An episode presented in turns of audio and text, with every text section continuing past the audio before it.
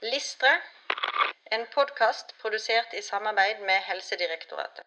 Allmennmedisinsk læringsmål ALM 017.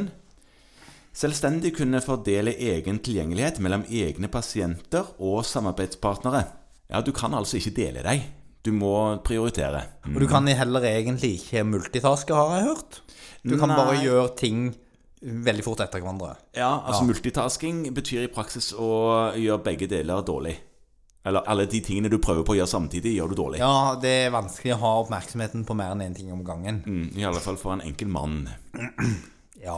Det dette handler om, er Jeg tenker det, det er litt sånn to ting. Den ene er den der tilgjengeligheten når du sitter med pasienten. Er du da også tilgjengelig for andre? Ja Altså, det er jo en haug av folk. Altså Nav og hjemmesykepleie og saksbehandlere på tjeneste- og koordineringskontor som ønsker å få tak i deg for å bare avklare en eller annen ting. Ja.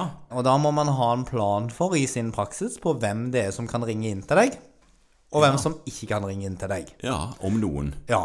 Eh, og Det kan til og med være samarbeidspartnere på kontoret, altså f.eks. medarbeideren din ute. Ja. Jeg tror kanskje ikke dette læringsmålet egentlig er ment å omfatte det så mye.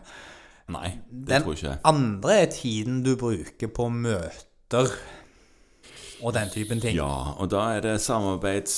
Hva heter det for noe, da? Det heter Ansvarsgruppemøter. Det var det jeg tenkte på. Ja, Eh, dialogmøter. Sånne ting. Ja.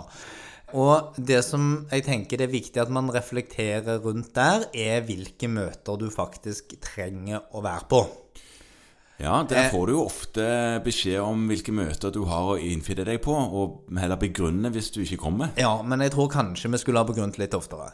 Ja, kanskje. Eh, og at man i hvert fall er bevisst på det. Og så tror jeg at det er to grunner til at i hvert fall jeg går på sånne møter. Den ene er at jeg, det er viktig for meg å ha vært og hørt hva som har skjedd på møtet. Og det andre er at det er viktig for de som er på møtet, at jeg er der og sier noe. Ja.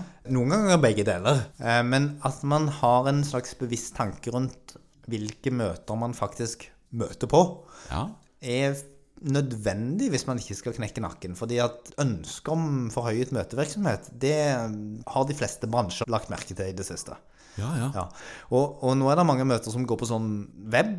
Ja, Ja. det gjør jo at man eh, i alle fall slipper reisetiden. Ja, men det kan òg medføre at man blir kalt inn på litt flere møter enn man egentlig trenger å være på. Ja. Eh, Fordi at man mister en sånn der en sperre på hvor mye tid dette tar, så man bare kaller inn litt flere. Mm, ja.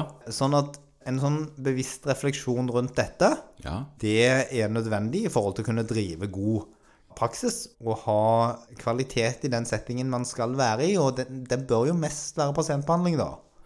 Ja, og, og, men det er det dette læringsmålet dreier seg om. Å skaffe seg et, litt refleksjoner og tanker omkring hvilken vekting du ønsker det skal være her. Finne en god balanse. Ja.